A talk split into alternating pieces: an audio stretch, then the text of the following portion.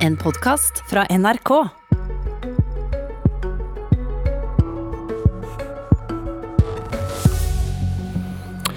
Arbeid til alle er jobb nummer én, sa Jonas Gahr Støre. Og hørtes ut som et ekko av Høyre. For dagen før stjal de Arbeiderpartiets slagord. Arbeid til alle er jobb nummer én, skrev de og viste frekkhetens nådegave. Høyre hevder regjeringens politikk fikk ned ledigheten etter oljeprisfallet. Støre sa vi skapte 300 000 arbeidsplasser da Arbeiderpartiet styrte landet. Frekkhetens nådegave er kanskje jevnt fordelt. Velkommen til Politisk kvarter. I går åpnet Arbeiderpartiets landsmøte, og det var selvfølgelig ikke tilfeldig at det dukket opp et innlegg hos TV 2 signert Høyre dagen før Støre gikk på talerstolen. Man skulle kanskje tro at dere ikke ville valgt akkurat de ordene. Henrik Asheim, forsknings- og Høyres utdanningsminister fra Høyre, god morgen. God morgen, god morgen. Hvorfor stjeler dere Arbeiderpartiets slagord? Det er et godt slagord. Det var et slagord som jeg tror var Gro egentlig som lanserte det slagordet.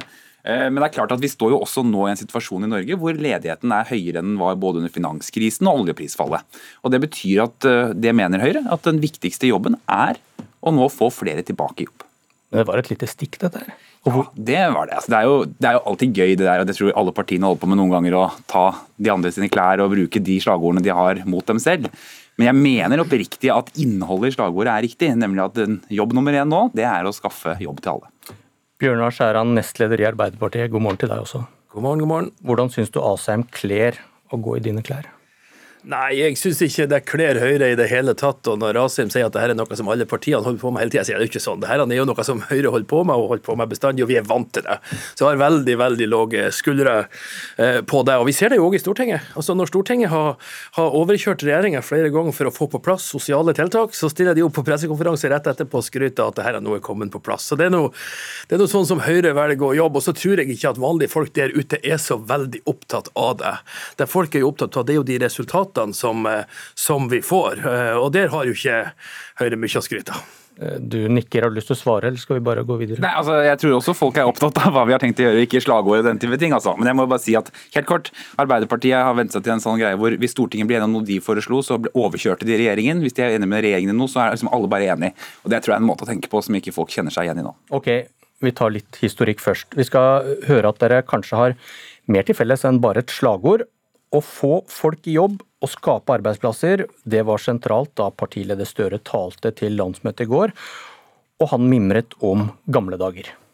Arbeiderpartiet, Senterpartiet, SV. Vi styrte landet trygt sammen i åtte år. Det ble skapt 300 000 nye arbeidsplasser. To av tre i privat sektor. Ja, Bjørnar Skjæran. Hva skjedde med oljeprisen da den rød-grønne regjeringen styrte fra 2005 til 2013, da Støre pekte på at det ble skapt 300 000 arbeidsplasser? Nei, Vi var jo inne i en periode der, der, var, der, det var gode priser, men vi styrte jo også gjennom eh, det største tilbakeslaget som har vært i verdensøkonomien siden, eh, siden 30-tallet og siden annen verdenskrig. Sånn at, eh, sånn at, det var jo ikke sånn at det ikke var utfordringer på veien. Finanskrisen var ei, ei kjempeutfordring, men Hva skjedde med oljeprisen etter finanskrisen? Jo, den kom jo opp igjen. Ja. Ja. Så sånn, Men Hva skjedde med oljeprisen fra 2005 til 2013, som man peker på vi skapte 300 000 arbeidsplasser? Nei, det kan du nå kanskje redegjøre for sjøl. Det, det høres ut som du har fasiten. Den ble, den ble dobla? Ja, men poeng, og nå ser vi jo at oljeprisen også er i ferd med å stige nå etter pandemien. Så, men det, det, er jo ikke sånn at det er oljeprisen som avgjør de her tingene. Er det ikke det? Hvor, hvor redelig er det å gi inntrykk av at 300 000 arbeidsplasser er et resultat av deres styrte landet, deres politikk, uten å nevne at oljeprisen ble dobla? Ja, jeg tenker at vi har, jo, men jeg tenker at vi har fasiten. Og så er det sånn at hvis, hvis Høyre liksom skal lage et mantra om at de er så uheldige hver gang de sitter i regjering, så tror jeg ikke at folk vil tro på det engang. For det er jo sånn at uh, over de siste 30 år så har vi omtrent hatt sånn hardt om hardt med Arbeiderpartileder og, og borgerlig regjering, og, og, og, fasiten ligger nå der. Sånn at, sånn at det her handler om at en politikk der du, der du sørger for at ulikhetene er små, der alle altså, hele landet har kjøpekraft. Det er bra for handelsnæringa, det er bra for reiselivsnæringa, det er bra for eh, hotell- og restaurantnæringa. Så det å ha et samfunn med små forskjeller eh, det skaper også en, en, god etterspørsel som stimulerer eh, økonomien. Ok, Henrik Asheim, I innlegget på TV 2 og på Høyres hjemmeside skriver dere nå vi har klart å snu en negativ utvikling før. Oljeprisfallet traff norsk økonomi hardt, og ledigheten steg. Vi satte inn kraftige tiltak, jobbet med privat næringsliv, og ledigheten gikk ned igjen. Sitat slutt. Hva skjedde med oljeprisen i den perioden dere snakker om her? Nei, oljeprisen gikk også betydelig opp igjen fra det lave nivået, og det selvfølgelig spiller en rolle for sysselsettingen i et land som Norge. Hvorfor nevner dere det ikke da, når dere skal snakke om effekten av egen politikk? Arbeiderpartiet nevner det ikke. Støre sa det ikke i går. Dere unnlater å si dette selvfølgelig. at oljeprisen dobla seg også i denne perioden. Nei, men Det er helt enig, det burde også vært nevnt som en av faktorene. Men det er ikke Men dere har gjort det mange ganger før. Du har gjort det, Røe Isaksen har gjort det før, og så gjør dere det igjen. Hvorfor nevner dere ikke dette her? Nei, det, uh, Akkurat dette innlegget skrev ikke jeg, for jeg ble grilla på dette her før i studio, så jeg tror jeg hadde puttet det inn hvis jeg hadde skrevet innlegget. Men faktum er at selv om oljeprisen selvfølgelig spiller en rolle for norsk politikk og norsk økonomi og arbeidsplasser, så er det jo ikke hele faktoren. For så er det slik at Selv om oljeprisen gikk opp igjen noe etter oljeprisfallet, så var den jo langt lavere enn den hadde vært tidligere. Og vi skapte langt flere jobber i andre næringer enn olje- og gassektoren. Også fordi vi satte inn kraftfulle motkonjunkturtiltak da dette rammet. Men dere begge skylder da på oljeprisfall når ledigheten går opp. Da er det finanskrise, det er oljeprisfall i 2014. Men så glemmer dere å nevne det når jobbene kommer tilbake, at oljeprisen går opp igjen. Og hvorfor skal velgerne tro på politikken dere går til valg på, når dere gang på gang overdriver betydningen av egen politikk? Ordet er fritt. Nei, men jeg tror ikke det er sånn at noen overdriver. Jeg vil ikke sitte og beskylde Asheim for å overdrive. Det er fordi du gjør akkurat det samme. For å overdrive Nei, men, men vi ser jo resultatene. Og hva er resultatene vi står med i dag? Jo, det viktigste, det viktigste i arbeidslivet det er jo å klare å få ungdommen inn i arbeid. Etter åtte år med Erna Solberg og, og høyreregjering, så har andelen eh, ungdom som, som er ufør, dobla seg. Vi har fått fem nye uføre ungdommer hver eneste arbeidsdag gjennom åtte år. Eksportinntektene har falt. Eh, Handelsoverskuddet vårt er redusert med 400 milliarder gjennom de her årene. Så resultatene de taler jo for seg sjøl. Jeg har ikke behov for å, for å skryte ut av verken det ene eller det andre, men resultatene taler for seg sjøl. Og vi må jo være opptatt av noe, hva det er som virker, og hva vi kan gjøre fremover. For oss er det det som er det aller, aller viktigste fokuset nå. Du bygde en bro som det heter, over til framtida, og det skal vi snakke om nå. Det er greit. Eh, Asheim, du, du hørte Støres tale i går. og Hva tenker du om Få folk i jobb etter pandemien, skape nye arbeidsplasser var den røde tråden. Eh, Hva ser du av løsninger fra Arbeiderpartiet? Veldig få. Det, vil si det jeg ser er løsninger som handler om stat. Det handler om at staten skal eie mer, styre mer, eh, skatte mer. Det er løsningene på dette. Og jeg bare minner om at Så å si alle som har blitt permittert nå i koronapandemien, er permittert fra privat sektor. Det Jonas Gahr Støre ikke snakket om, det er hvor folk går på jobb. Det er de bedriftene som har nå eh, blodrøde tall på båndlinja, som har måttet permittere eller til og med si opp folk. Hvordan skal du få folk tilbake i jobb hvis du ikke nevner med et eneste ord de som også skal skape de jobbene? Det syns jeg er veldig overraskende. Hvis du skal ha en riktig analyse av Norge, så bør du også anerkjenne hvordan vi skal få folk tilbake i jobb. Det handler ikke bare om arbeidstakeren, men også om at det finnes jobber i andre enden man kan få.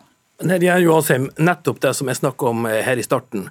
Eh, Jeg tør ikke tenke tanken på hvordan det hadde vært ute i norsk arbeidsliv hvis regjeringa sine krisepakker hadde vært vedtatt i Stortinget sånn som de var framlagt. Vi har, fått, vi har klart å skape flertall for å forbedre nesten hver eneste krisepakke.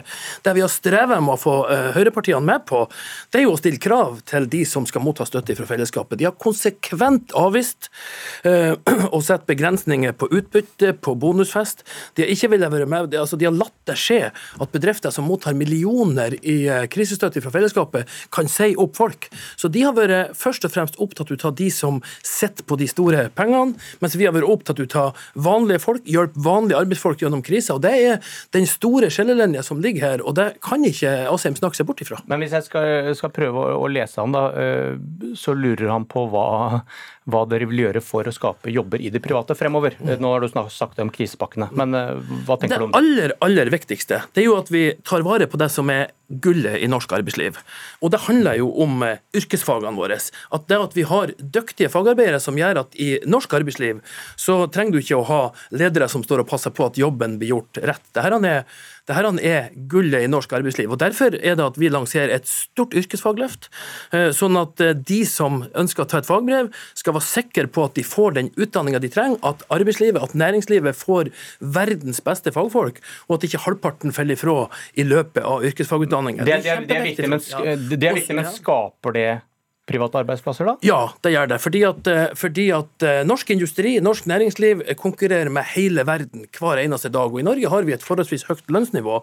Da må vi utnytte de konkurransefortrinnene som er best for oss. Det handler om å utnytte de store naturressursene vi har, sørge for at lokalsamfunnene får mer igjen når, når, eh, når bedrifter får høsta fellesskapet sine ressurser. Og så handler det om å løfte fagarbeideren og sørge for at vi har verdens dyktigste fagfolk i industrien, i næringslivet, som gir de eh, konkurransefortrinn. Og så må vi ha en mer aktiv næringspolitikk, en mer aktiv stat, som er med på å åpne nye markeder, stille med risikoavlastning, sånn at eh, bedriftene tør å satse i det som skal være de store næringene i framtida.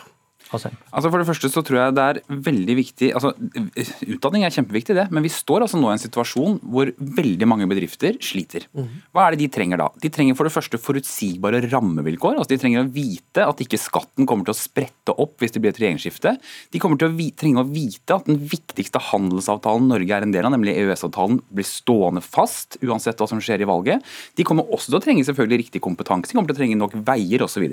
Dette handler jo ikke om krisepakkene som strengt tatt er bredt vedtatt i Stortinget. Vi har stått sammen om dette, det kan vi kanskje være stolte av istedenfor å angripe hverandre nå.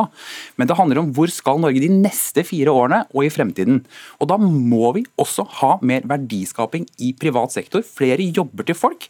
For det betyr også penger til å finansiere velferdsstaten. Men eh, ta, ta, det han var inne på med, med statens rolle, en aktiv stat. Hva er forskjellen på dere der, Asheim? Forskjellen er, og dette mener jeg er litt nytt fra Arbeiderpartiet nå, dvs. Si det er gammelt, men det har blitt nytt igjen, og det er fra 70-tallet. det er at Man sier at nå skal man liksom ta penger inn fra privat næringsliv. Altså, det er jo deres analyse nå. det er at Private bedrifter har for mye penger og staten har for lite. De må øke skattene. Og så skal dere bruke det på at liksom, politikerne skal inn i styrerommene og bestemme hvor vi skal investere pengene. Mens vår tilnærming hele veien er å sørge for veldig gode rammevilkår, altså forutsigbarhet. Og så har vi ordninger som Enova og andre ting som kompenserer der det er nødvendig. Men vi må ikke tro plutselig at vi som er politikere skal bli næringsdrivende. Det må de som kan business gjøre. Dana, vil, er du enig i det at dere i større grad vil plukke vinnere og peke på næringer man bør satse, enn det Asheim Nei, jeg synes det blir helt feil framstilling. Men vi må som samfunn ha anledning til å bestemme politisk hva vi som fellesskap vil satse på. Eh, og hvis vi skal nå gå tilbake til 70-tallet, ja da valgte vi å etablere Statoil for å sikre at vi skulle få skikkelig god kontroll ute på norsk sokkel. Vi skulle skape en ny stor industri. Høyre var mot Fremskrittspartiet, de ville sågar selge norsk sokkel for 10 milliarder. Jeg tror hvis vi ser tilbake og ser på oljefondet eh, med over 11 000 milliarder på bok, jeg tror ikke vi kan si at det der var totalt mislykket. Men, men bare Apropos når du nevner det, når du nevner sokkelen. Eh, hva skjer hvis klimapolitikken i verden gjør at oljeprisen stuper i tiårene som kommer, og begge dere to vil fortsette å åpne nye felt? Hvordan stiller vi oss da? Nei, det er klart at uh, Vi må jo sørge for å ha flere bein å stå på.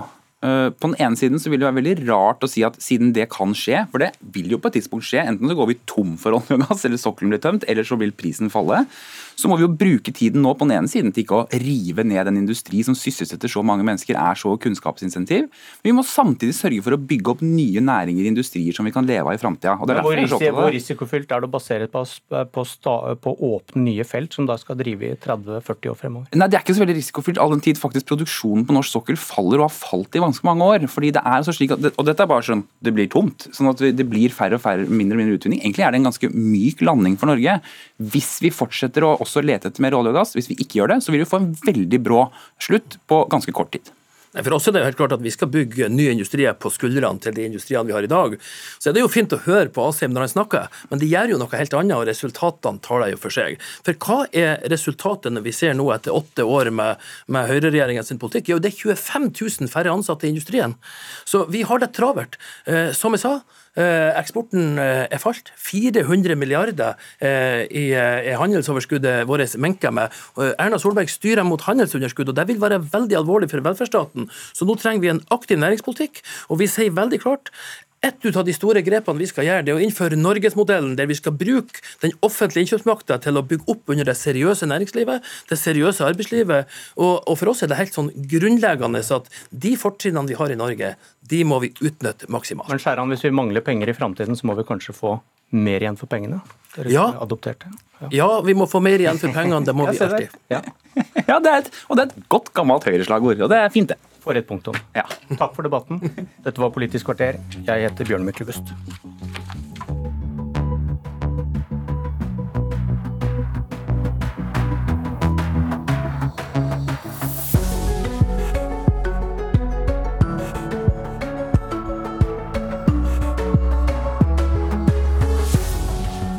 Du har hørt en podkast fra NRK. Hør flere podkaster og din NRK-kanal i appen NRK Radio.